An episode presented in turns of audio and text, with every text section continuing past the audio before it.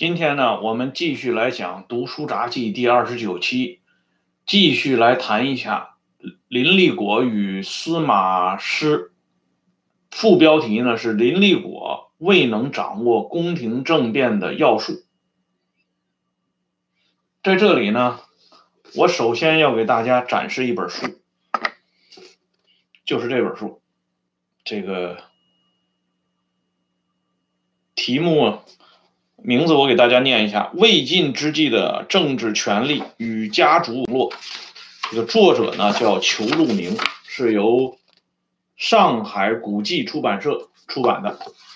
这本书呢，我读过两遍。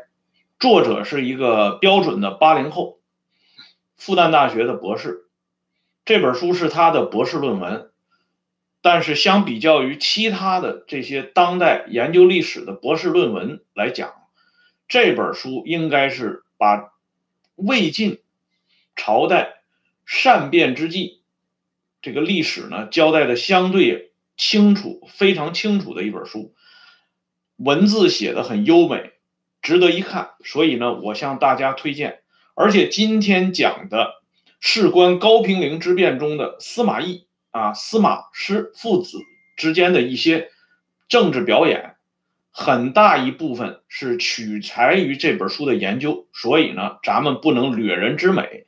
因此，我在讲正题儿之前，正式向大家推荐一下这本书。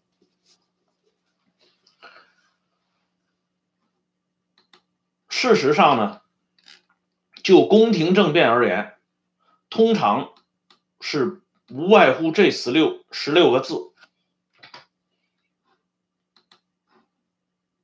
这是我读史的一点心得啊，进行了一下总结：蓄养死死党，布控要津，拣选干柴，以快打慢。就司马懿、司马师父子发动的高平陵之变来讲，宋朝的。文人们，特别是一些大牌知识分子，对司马懿搞的这个高平陵之变，认为他是批昌狂作，就是说发疯了。司马懿的在当时的情况下，并不占据优势，特别是呢，曹爽虽然外出，可是他带着魏国最高当局曹芳，他把皇帝带着了。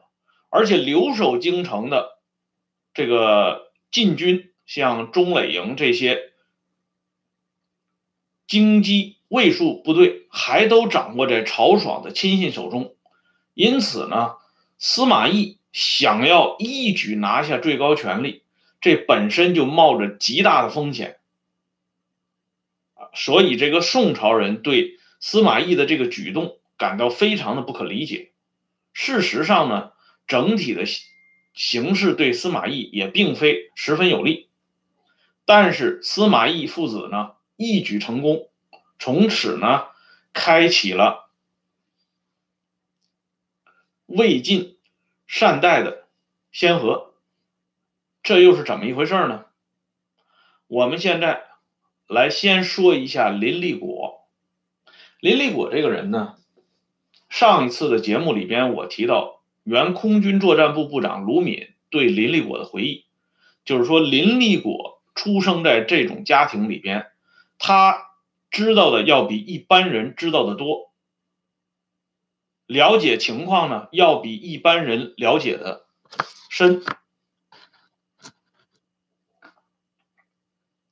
比如说，这里举一个例子，关于杨成武的事情，张云生。作为毛家湾的秘书，他同林立果之间有过一个对话。毛家湾呢，这个秘书张云生认为是叶群的意思啊，想把杨代总长搞垮。然后呢，他表示出这种忧心忡忡。可是林立果呢，却置之一笑啊。这是张云生回忆的现场啊场景。林立果比张云生小十多岁，然后呢，他对张云生说了这样一番话，他说：“问题不在于有没有历史问题，而是在于想不想打倒他。然后呢，他有点教训这个张云生，他说：“你太天真了，罗瑞卿被搞垮了，他有历史问题吗？萧华被搞垮了，他有什么历史问题？照理讲，杨代总长是不会垮的，但这就要看说话算数的人想不想打倒他。要想打倒他，就不愁抓他的辫子。多少人垮了，不都是这样吗？”原来张云生认为呢，林立果不过是个初出茅庐的小毛孩子，懂什么呢？但是经过他与林立果的这番对话，特别是林立果同他说完这话不久之后，杨成武果然被打倒。由此呢，这个让张云生对这个次谈话印象相当深刻，所以他晚年回忆的时候，专门把这个场景。做了一个整体的描述。我们从这个张云生和林立果之间的对话也能够看得出来，这个对话出自于《毛家湾纪实》。从这个对话呢，也能看出来，林立果这个人，他确实在见识上跟一般人不同。他刚才说的这番话。像这种长期浸淫在高级军事机关里的张云生都能够大吃一惊，说明这个人在政治上他是有一定见地的。他比起一大批同龄人来说，在政治上他是处于早熟的状态。应该说呢，这是宫廷政变里急需的一种坯子。首先，你要在政治上有敏感性，而且呢，对于这个。政治上发生的这些枝节的变化，你的第一反应能够跟上节拍这所谓这个见微知著吧。林立果具有这个素质素质，但是你光具有这个素质不行。刚才我总结的这呃十六个字，大家也看到了，蓄养死死党，就是说老百姓话讲秦桧还有仨好朋友。就是说，你要干这种非常之事，你就要有非常之人做助手，没有助手是不行的。林立果呢，也蓄养了死党，比如说我们熟知的周宇驰、于新野、刘佩峰，啊，还有李伟信等等这些人。再一个呢，是布控要金。布控要金指的是什么呢？指的就是抓住关键的部位，包括抓住关键的部门和抓住关键的地理位置。这个东西我觉得是挺重要的。咱们具体来说一下，如果不举例子呢，光这么讲是没什么没什么感觉的。咱们就以这个司马懿父子发动的这个高平陵之变。作为例子，为什么呢？因为之前我的这个节目里向大家讲过周一良提供的那个回忆，就是说在抄检毛家湾之后，发现林彪对司马懿高平陵之变和杨广的仁寿宫变这两起政变做了专门的批注，秘密加点，说明林彪对这个问题相当之重视。那么咱们就从这个高平陵之变说起。高平陵之变完全是以少胜多，以奇制胜。在高平陵之变当中，司马懿做出两个关乎于整个胜这个政变的胜败的两个最重要的布局，一个是派自己的长子啊，就是。政变的重要参与者，这个政变实际上就是发生在司马懿和司马师这爷俩当中，啊，就是他们爷俩关起门来商量的，包括司马昭都没有语文，不知道这个情况。两个最重要的布局，一个是尽快拿下武库，这个武库是什么概念呢？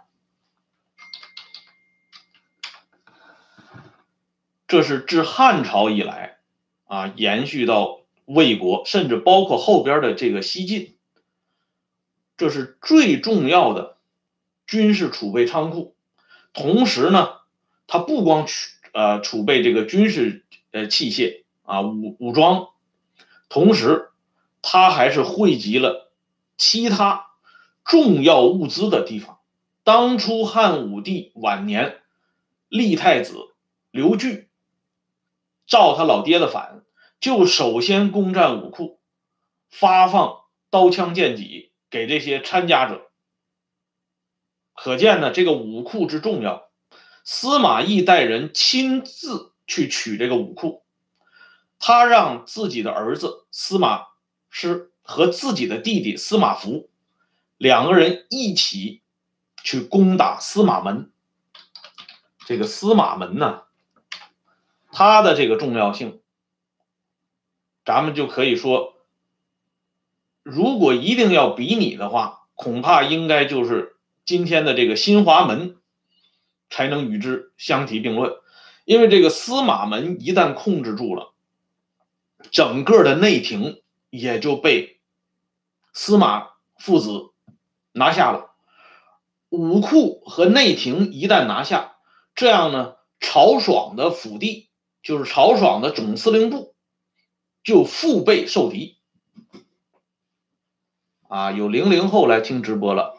这年轻人不容易，所以这个司马门呢相当重要。历史上咱们听过两个重要的段子，一个是汉文帝的儿子啊，就是后来的汉景帝，他们曾经呢坐车经过司马门，没有下车，于是呢这廷尉张世之就追了上去。对此呢，进行了谴责。汉文帝还夸这个廷尉执法森严。再一个就是曹植，临淄侯曹曹植，在与他的哥哥曹丕争夺这个接班人的位置的时候，曹植做了一个重要的失误，就是擅自经过司马门。曹操勃然大怒啊，擅开司马门。曹操勃然大怒，把镇守司马门的官员直接就给处决了。曹植呢，因此他这个宠信就衰落了。这司马门太重要了。后来西晋的八王之乱里边有两次重要的政变，也都是以占据司马门为决胜的关键转折点，而把这个攻占司马门作为。这次政变里重中之重，司马懿交给自己的儿子，交给自己的弟弟。事实上呢，据陈寅恪考证，这个宫廷政变当中，这个地理位置是非常重要的。比如说后来我们熟知的玄武门之变，李世民如果不是在玄武门这个地方把他的哥哥和弟弟给搞死了，那么这场政变的成败利钝，那还要另当别论。所以咱们说布控要津，这个布控要津，地理位置是一个重要，还有一个就是掌握京畿警卫部队。这司马师当时的位置是中护军，这个位置呢就是晋军的主要将领之一。在这件事情上呢，曹爽是犯了糊涂了。让司马懿钻了空子。当时曹爽急于派夏侯玄，就是夏侯尚的儿子夏侯玄去镇守关中，于是呢，这中护军的位置突然就悬空了。结果呢，司马师乘虚而入，抓住了这个枪杆子，这才有他蓄养三千死党的这个来来源。再一个是拣选干才。就是说，你发动政变做这种非常大事，你手里光有一批呐喊的小鹰犬，哈，或者是你占据了这个要害的部门和位置，这还不够，关键是要有灵魂人物，就是真正打冲锋的时候，这个人不仅能够出谋划策，而且敢于冲锋陷阵。司马师。就是司马懿身边的一个重要干才。但是司马师身边有没有干才呢？有，石包。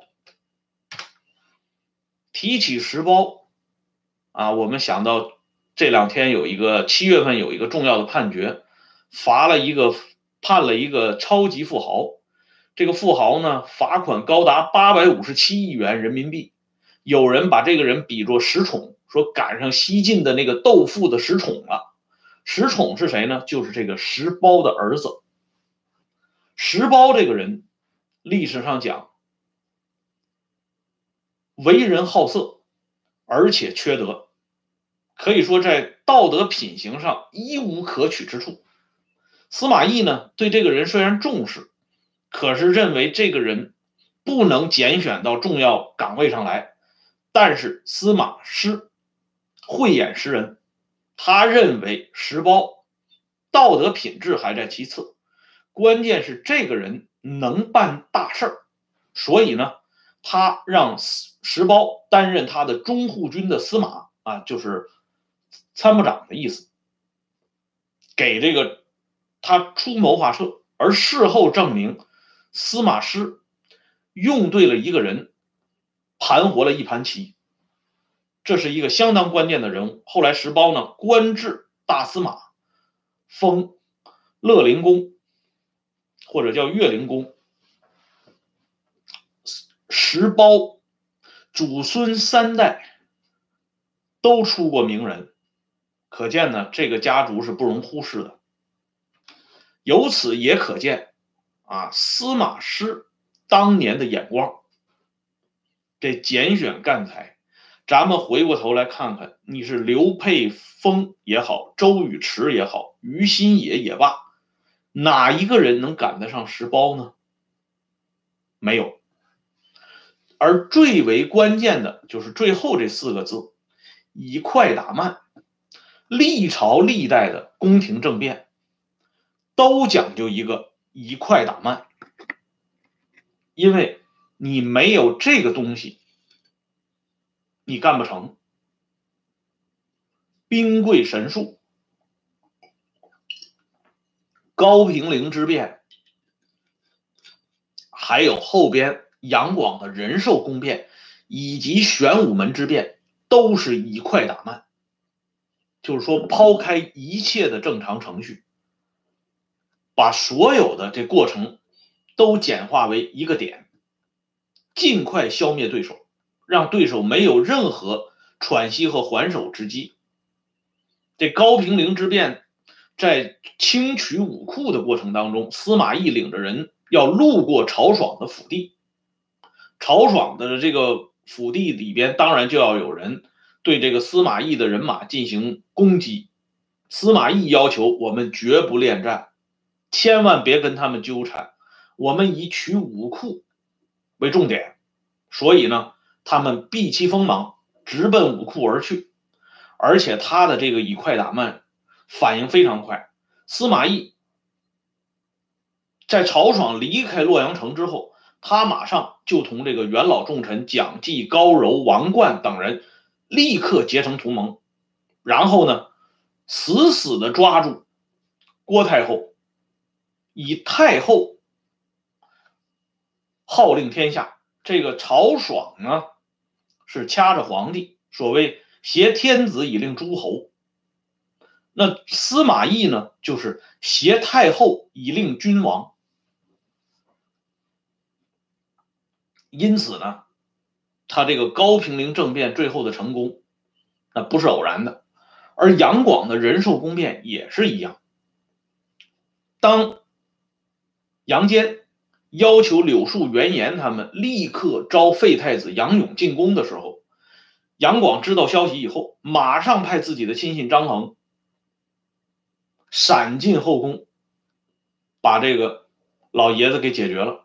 因为当时重中之重，就只要把老皇帝解决了。杨广本身是太子啊，除了皇帝能压他一头，宫里没有人管得到他，所以把老皇帝一锅端掉，剩下的自然迎刃而解。所以叫以快打慢。至于李世民发动的玄武门之变，更是如此。李建成、李元吉还在蒙圈的情况下，就被人把脑袋给摘了去了。这四条呢，相辅相成，缺一不可。而且像刚才这个朋友讲，“事以密成，予以谢外”，这个话也非常经典。可是我们从这个高平陵之变和仁寿宫变，我们再回头看一下林立果策划的这一系列的政变，简直是不成体统，完全是属于烂泥巴糊不上墙，跟人家前面这个没法比。他这四条哪个都不具备，他要在。毛泽东专列经过的地方安放炸药，他选择向卢敏布置任务，卢敏吓得是魂不附体，以至于最后告密。他所信赖的王飞，那位空军的副参谋长王飞，比卢卢敏还要夸张。王飞夫妇关起门来商量什么呢？商量是不是用针灸把自己给扎残废了啊？扎残残疾了，以避免这个行非常之事。所以他哪有什么干柴可言呢？布控要津，他既不可能跟中央警卫部队取得联系，也不可能占据北京核心层的任何重要地地点。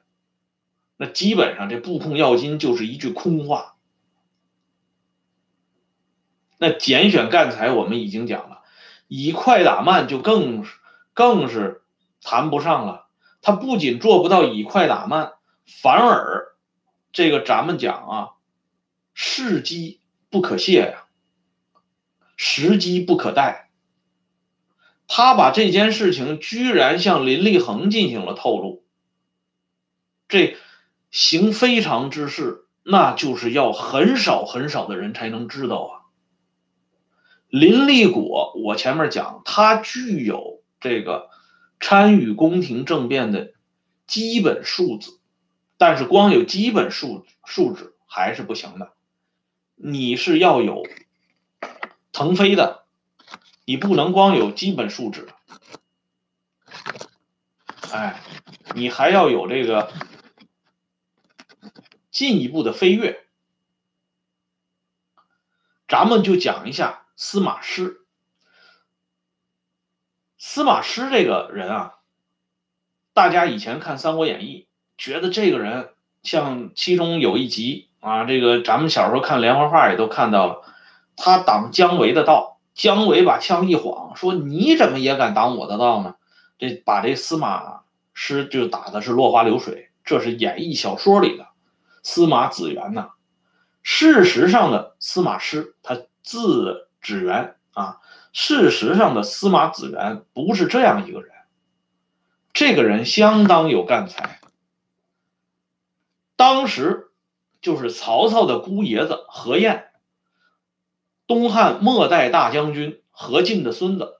何晏是驸马呀，这个人很有学问，喜欢谈玄。这是玄学家，他呢曾经做过一番比较。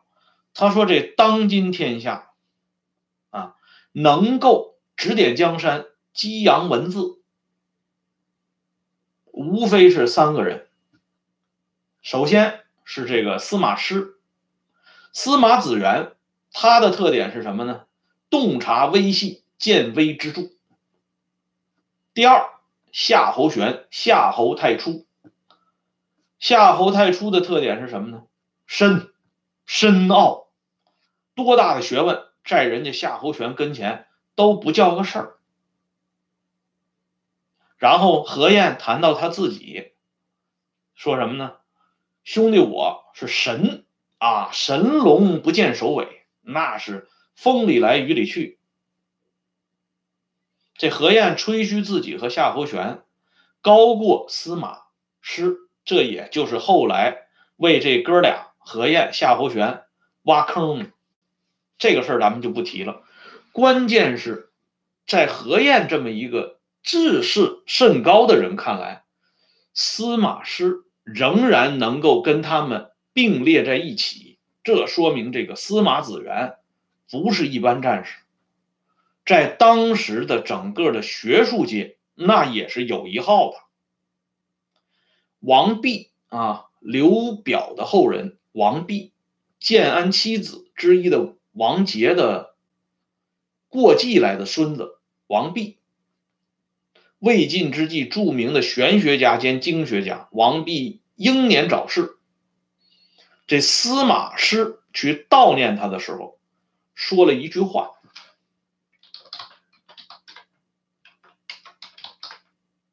天上雨。”这一个字，这三个字，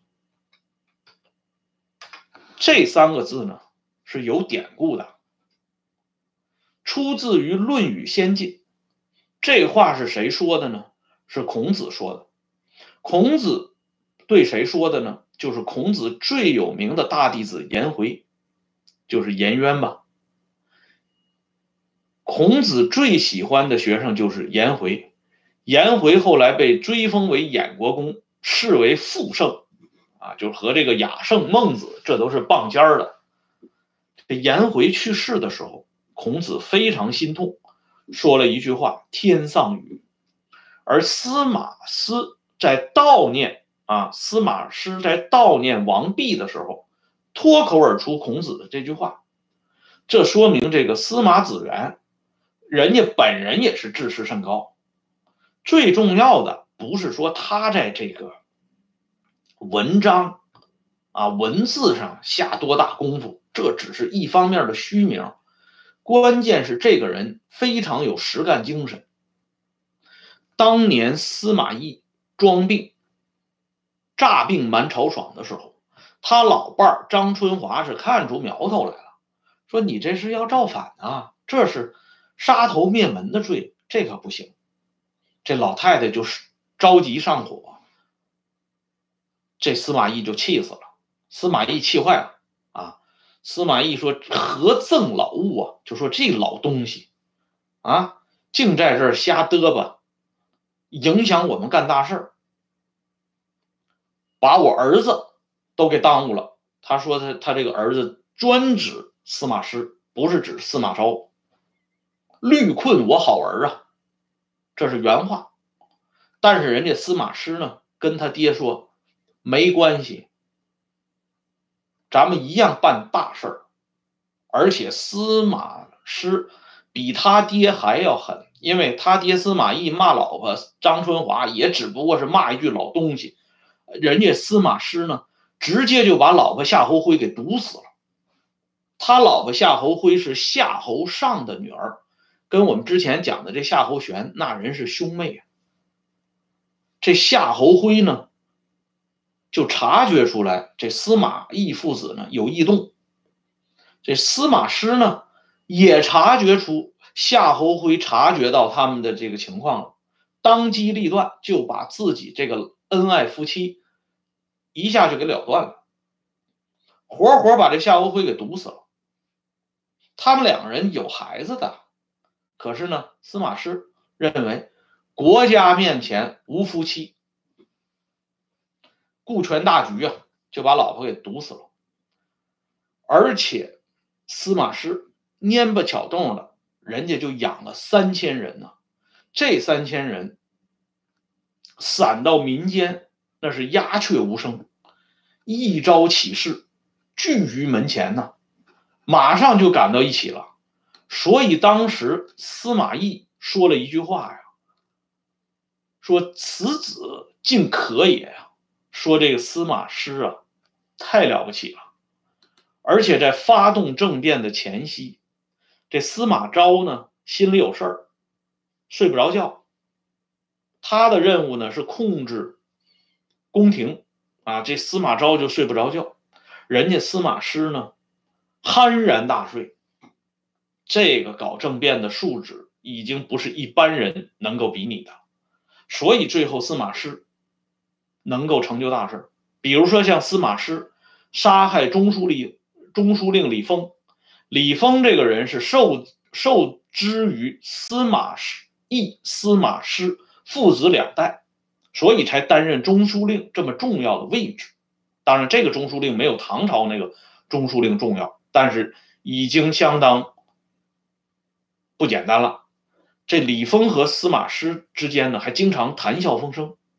可是当司马师得知李丰与夏侯玄、李吉他们准备搞政变、颠覆自己的时候，他就让手下的士兵呢，把这李李丰牵到小屋里，整死他。怎么整死呢？你要是说拿大刀砍，那血肉横飞不好看啊！啊，如果这是拳脚交加呢，那身上不就是有伤痕吗？有外伤吗？也不好看。司马师让底下的人用刀环，啊，那个时候咱们知道，古代那刀环，那刀把上那刀环它是铁做的，用刀环用力打击李丰的腋下。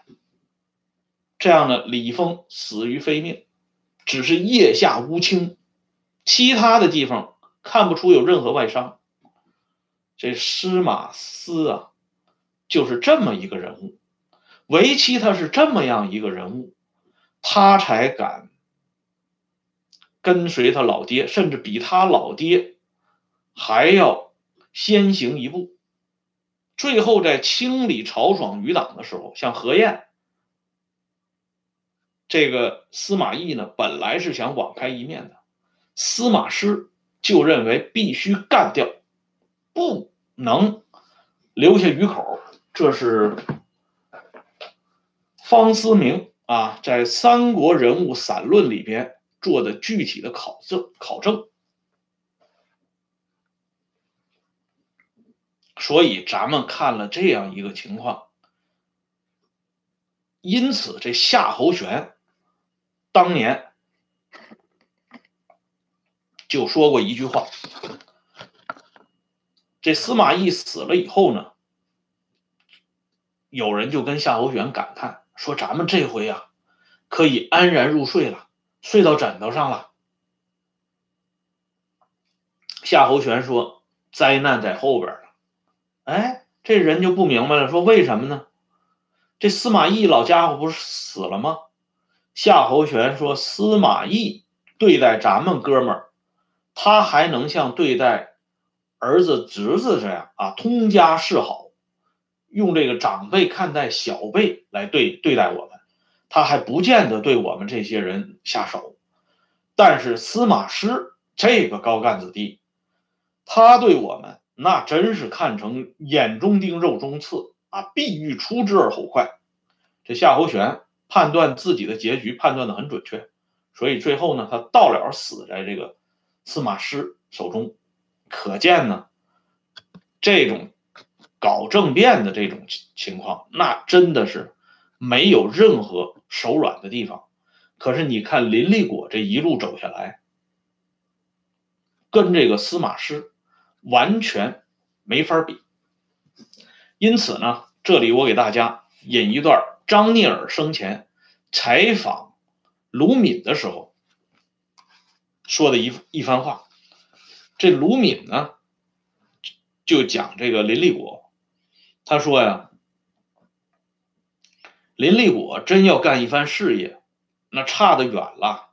你当个团长师长试一试，不要说中央那些老的，就空军这些老人，人家是不跟你搞，要真跟你干，你哪行啊？你说来说去就是个毛娃娃，所以后来我和几个空军的老人也议论过，周宇驰那几个人出的都是馊主意，帮的都是倒忙。历史的发展是延续的，哪可能从七八十岁的老人手里一下子落到二十几岁的毛娃娃手里啊？人民也通不过呀。这是卢敏提到的。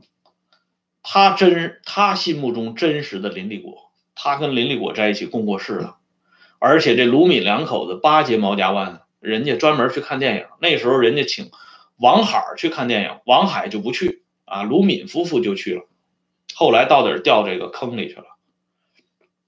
从这个卢敏的这个回忆呢，我们也能够看到，其实林立果尽管在政治上早熟，但是真要历练和摔打的时候，他的这个毛孩子的这一面，基本上就暴露出来了。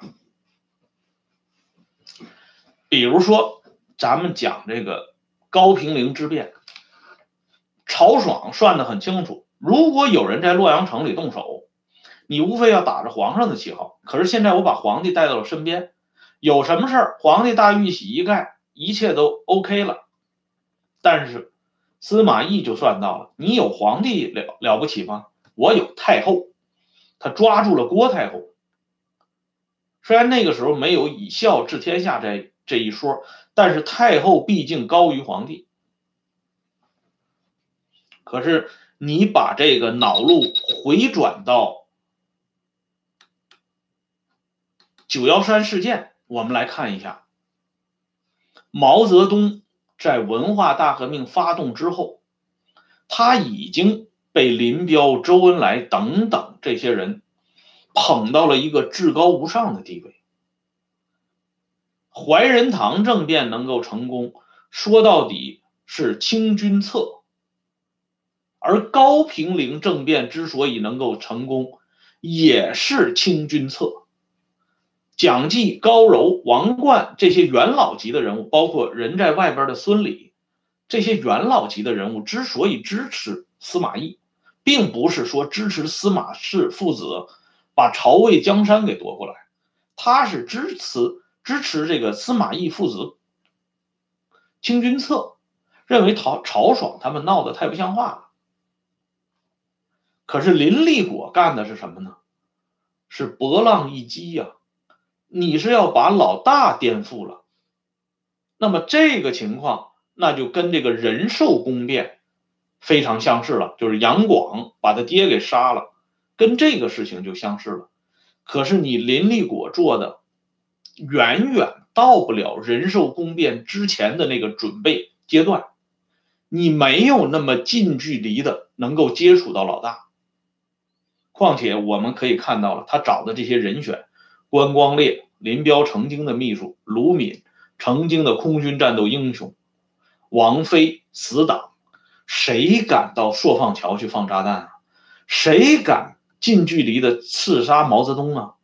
毛泽东后来说那句话，他说了九幺三事变之后，毛说过那句话，他说：“我相信只要人民解放军任何一个指战员听说要对我啊图谋不轨，我相信他们都不会答应的。”毛这句话说的是相当自信，同时也是事实。这是一个被捧上神坛了的人，已经神化到极点的人。想想这些人都害怕，怎么敢跟他动招呢？所以林立果的这个东西，实际上是一个空心汤团儿成不了事儿的。